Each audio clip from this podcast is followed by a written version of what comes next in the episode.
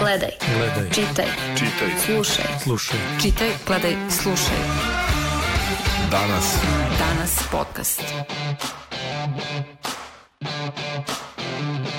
Slušajte novu epizodu podcasta Danasa u kojoj ćemo kao i uvek govoriti o, nekom od najčitanijih tekstova na sajtu Danasa tokom protekle nedelje. Ja sam Selena Kosorić, e, gosti su Aca Đorđević, novinar Birna i Aca Milošević, e, urednik ekonomske rubrike Danasa. Ono što je ove nedelje bilo najčitanije e, je tekst Gojka Vlaovića, e, ličnost dana, Igor Brnabić, e, dakle premijerkin brat. Inače priča da Igor Brnabić koristi poziciju Ane Brnabić za svoj biznis i stara već nekoliko godina, ali je ponovo aktuelna kada je Marinika Tepić odlučila da o tim navodnim malverzacijama u njegovom poslovanju obavesti tužilaštvo. Usledio je odgovor kompanije i Ane Brnabić da Igor Brnabić nije, kako se to predstavlja, to nije njegova firma, da je on samo direktor i da je to firma koja u Srbiji posluje već 30 godina sa javnim sektorom preko 10.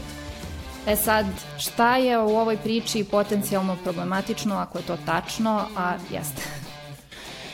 Pa, formalno, pa da, formalno pravno, koliko sam shvatio, Ana Brnbić je reagovala i rekla da je tražila odobrenje od uh, savjeta, uh, od Agencije za borbu protiv korupcije prehodno pre nego što su sklopljeni poslovi sa firmom u kojoj njen brat direktor, pa je išli korak dalje, uh, tražila je odobrenje Transparencija, uh, nevladina organizacija koja se bavi, inače, sprečavanjem korupcije, i rekla je da je u oba slučaja dobila potvrdan odgovor i da nema nikakvih zakonskih prepreke da firma Seko, koji njen brat direktor, sklapa poslove sa državom.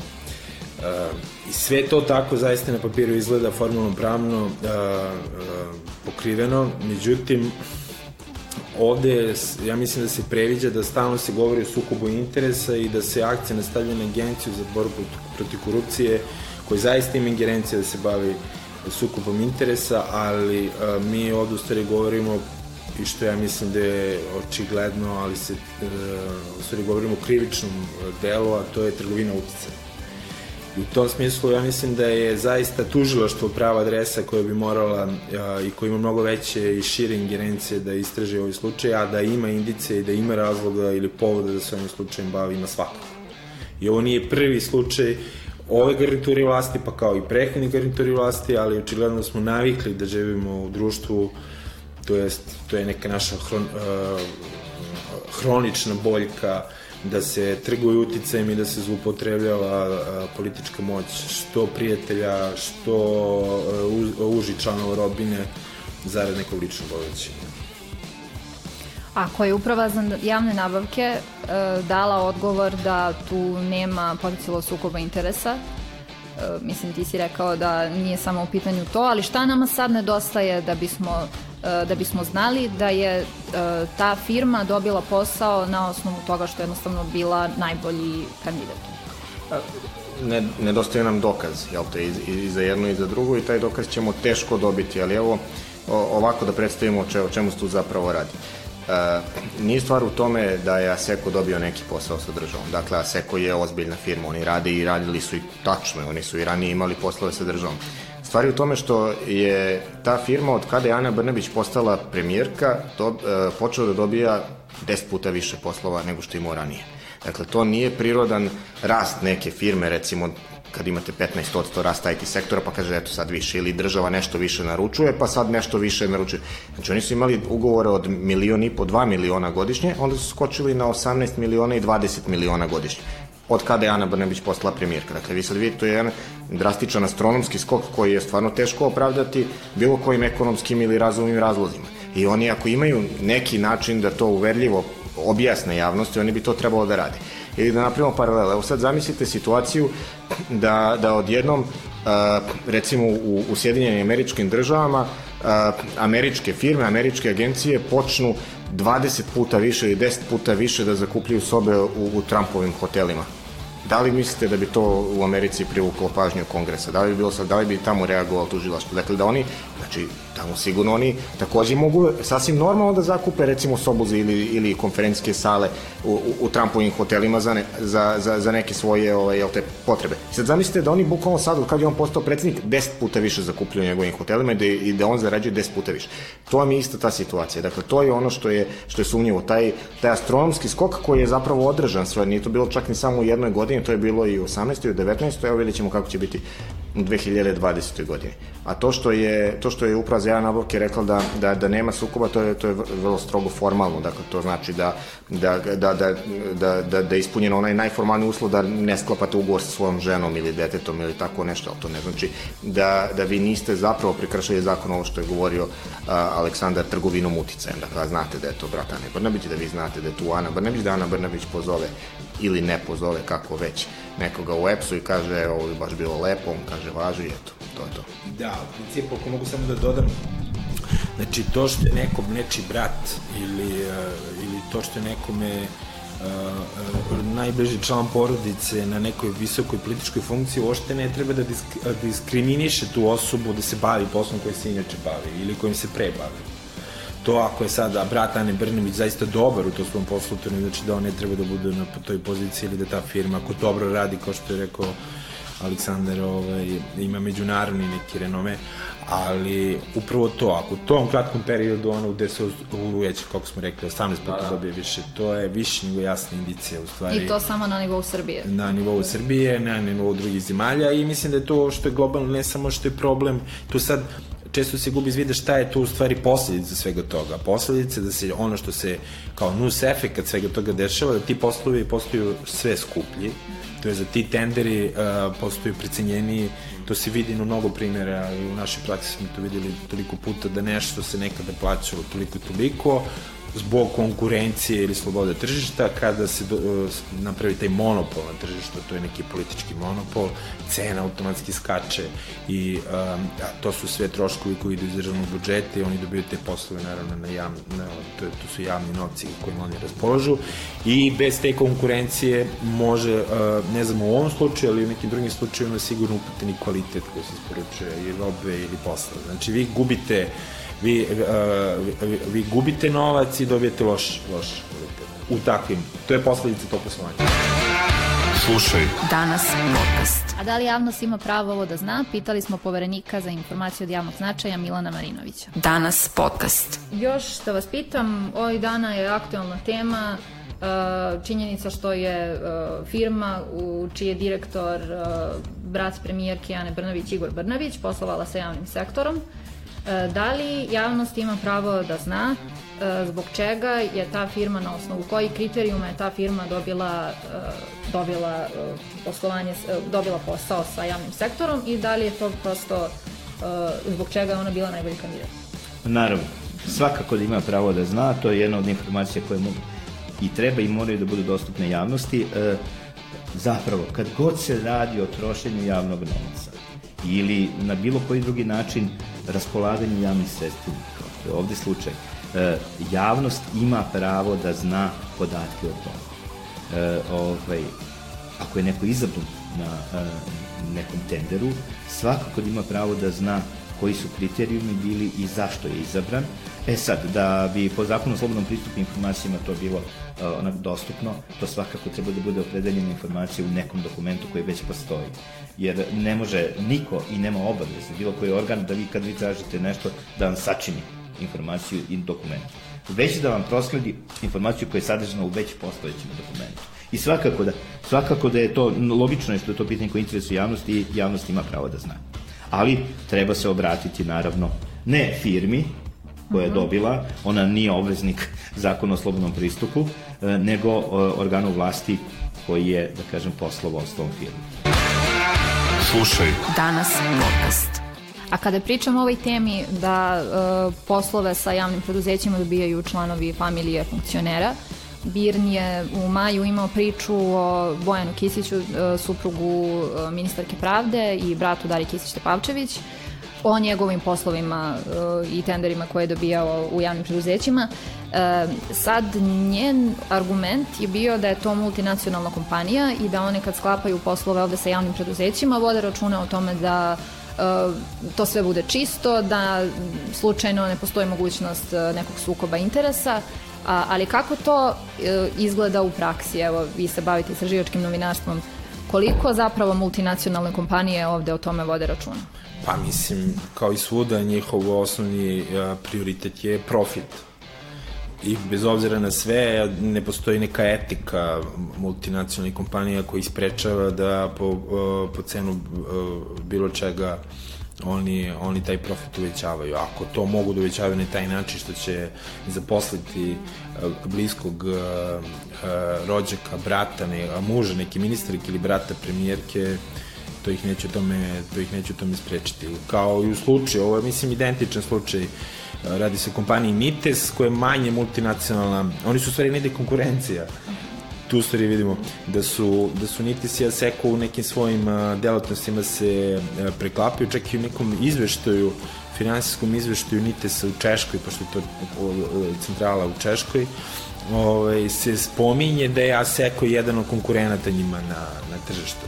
I onda dolazimo do tog sledećeg koraka, koji je opet na opštu štetu, a to je da, a, pošto naravno uvijek ima više a, i unutar jedne stranke ima više konkurenata koji bi hteli neki posao da se bave, onda dolazi do, do kartelizacije tržišta.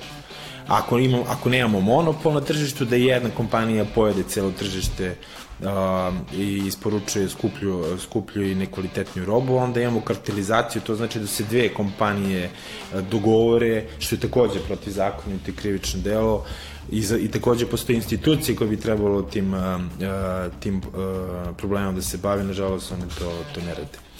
Uh, to je samo jedan u nizu primjera, evo, ne znam, da podsjetimo ljude, znači niti se kompanije u kojoj je uh, brat uh, Darije Kisić i muž što je mnogo problematičnije, uh, Neli Kuburović u stvari uh, direktor kompanija koja dobija uh, milionske poslove takođe samo sa, sa državom i ti poslovi su uh, ekstremno uvećani baš tokom korone, što je jedan poseban problem za vreme korone smo imali vanredno stanje i svi tenderi i javne nabavke su malte ne izbrisani, posle država je mogla da sklapa poslove kako htjela, ja mislim da su oni to jako dobro zlopotrebili, iskoristili taj moment da sklapaju poslove. I mi tek sad ako naznačujemo i shvatamo koje su razmere bile svega, svega toga. Pa da, ja mislim da u stvari kada, kada gledate o tome čime se bave e, ljudi koji su rodbinskim vezama sa, sa visokim funkcionerima, E, vi tu, ako hoćete da vidite zapravo da li postoji neka vrsta e, zloupotrebe, malverzacija i tako dalje, e, jedini pravi način je da pogledate njihovo poslovanje pre nego što je njihov rođak postao premijer, ministar, direktor javne institucije ili šta već, i sada i naknadno kasnije da vidite šta će se dešavati kada ovi odu sa, sa, sa vlasti. Dakle, ukoliko je neko 10 godina pre nego što je njegov kum ili njegova tetka postao ministar, radio sa državom i imao određene ugovore. I ukoliko je nastavio u, posle toga da ima takođe posao sa državom, da ima ugovore u tom nekom jednakom ili sličnom obimu, tu onda nema ničeg sporno. Ali ako vi vidite situaciju da, da je neko imao ugovore e, vrednosti 100 dinara, a da onda kada mu e, e, kao zove žena ili ko već postane ministar dobije ugovor od 1000 dinara, onda vi vidite da je tu neki problem. Razumete? Znači, to, e, to, je, to je taj jedan način na koji možete da, da pratite. Ili odjednom kada neko e, se bavio nečim 15. a onda od, odjednom odluči da se bavi nekim drugim poslom koji ima veze sa državom, kada mu rođak postane e, javni funkcioner, što isto se dešava odjednom neka firma se pojavi i dobije tender iako je osnovana pre 5 dana ili šta već, ovaj, dobije neki držav, državni posao. To su situacije koje su jako sumnjive, a ovo formalno o čemu govorimo, kao kada dođe pa vam, pa vam ovaj, upravo za javne nabavke kaže nema tu sukoba interesa. Uh, niko osim ukoliko nije baš onako izrazito neinteligenta neće pasti na, na tom formalnom kriterijumu. Znači niko neće stvarno uzeti i sad ja sam ministar i ja sad sa svojom ženom sko, ili sa svojim detom sklopim ugovor da, da, da, da mi opremim kancelariju ili šta već. Znači taj formalni deo niko neće pasti. Ali ovo što, što on govori o trgovina uticajem, dakle, ili prosto što vi ne možete na taj formalni način da, da, da, da uočite, ali gde suštinski vi možete vidjeti da postoji jedna anomalija, to je kada vama drastično skoči posao ili kada neko bez referenci e, odjednom počne da se bavi nekim poslom uvozom maski ili čega već onako, a pre toga je bio vulkanizer ili šta već, neki sličan slučaj recimo bio u Republici Srpskoj, ovaj, onda vidite da je, da je, da je to problem. I to je nešto što bi onda tužilaštvo moralo da se bavi time, dakle ne ni ove institucije standardne koje su, nego tužilaštvo uzme i da, i, i da to krivično goni.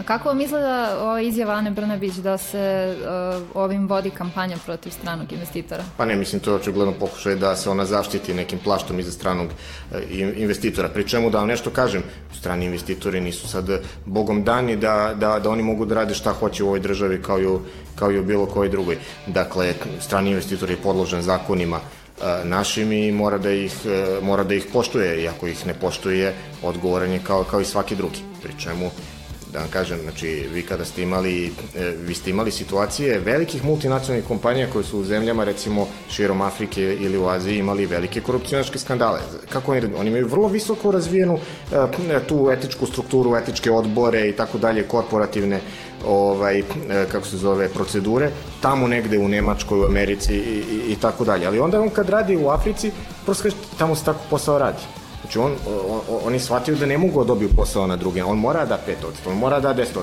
I on, ok, imamo neki fond, to tako se tamo radi, šta ćete, mi bi voljeli da je Srbija neka razvijenija zemlja, ali to, to je tako.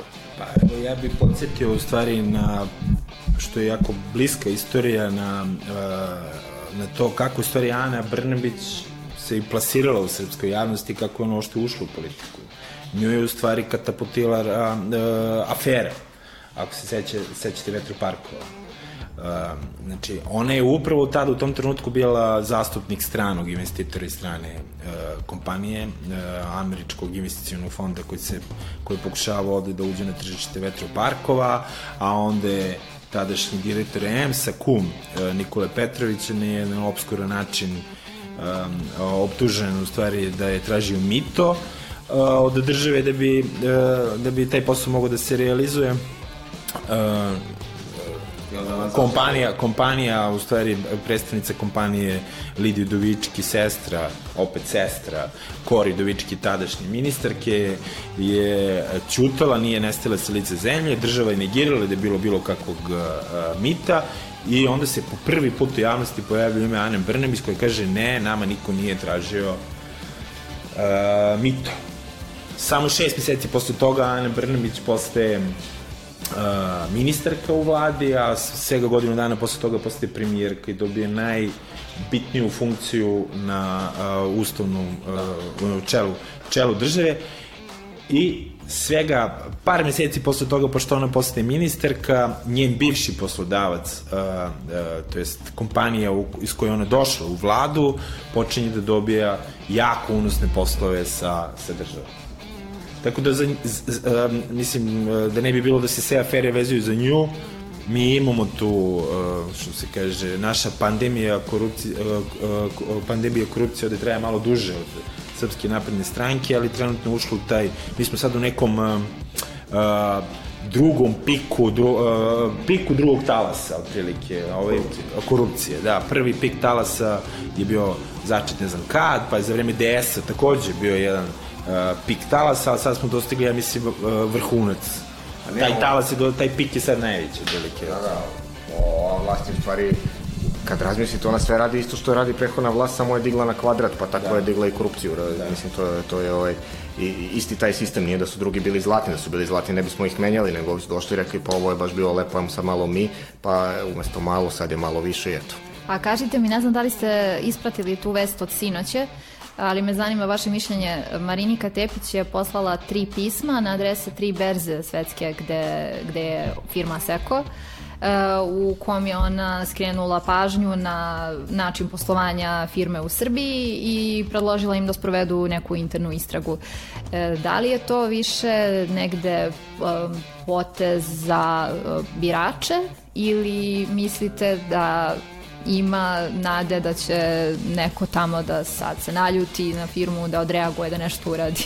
Pa dobro, mislim sad, što se tiče samih berzi, tu neće biti nikakvog, niti je to u domenu neke berze da ona tu sad išta istražuje, to je očigledno bio potez namenjen javnosti, međutim ovo što je poslala recimo Aseko, evo mi sad možemo da vidimo kakva je Aseko kompanija. Dakle, Aseko je sada dobio pismo bivše narodne poslanice, jedna od vodećih političkih figura u zemlji, gde ona ukazuje na potencijalnu korupciju koja se sprovodi u njihovom lokalnom ogranku. I ukoliko je ta kompanija zaista jedna međunarodna kompanija sa visokim etičkim standardima, ona bi morala da pokrene neku internu istragu i da donese neko rešenje koje može biti ne izvinite ovaj, gospođo sve je u redu, mi smo sproveli, evo imate izveštaje, a može biti da da, upravo ste i gospodin Brnabić i mi završamo saradnju, ali ne može da prosto baci to pismo u kantu, tako da eto, vidjet ćemo sada kakva je korporativna uh, kultura Aseka posle ovog pisma. A što se tiče ovaj, Saja Marinike Tepić, mislim jasno je da je to politički uh, potez sa njene strane bio, ali on sam po sebi nije sporen. Pa mislim, ne bi, ne bi, ne, ne, ne bi tu šta puno da dodam, sem da, eto, opozicija u ovom trenutku da li je prinuđena da se koristi tim suženim prostorom ili je to neki njihov izbor, ja mislim da je pre ovo drugo, a to je da oni sada, eto, uh, se bave obzemljivanjem uh, raznih uh, korupcija, korupcija, pronevera u vlasti.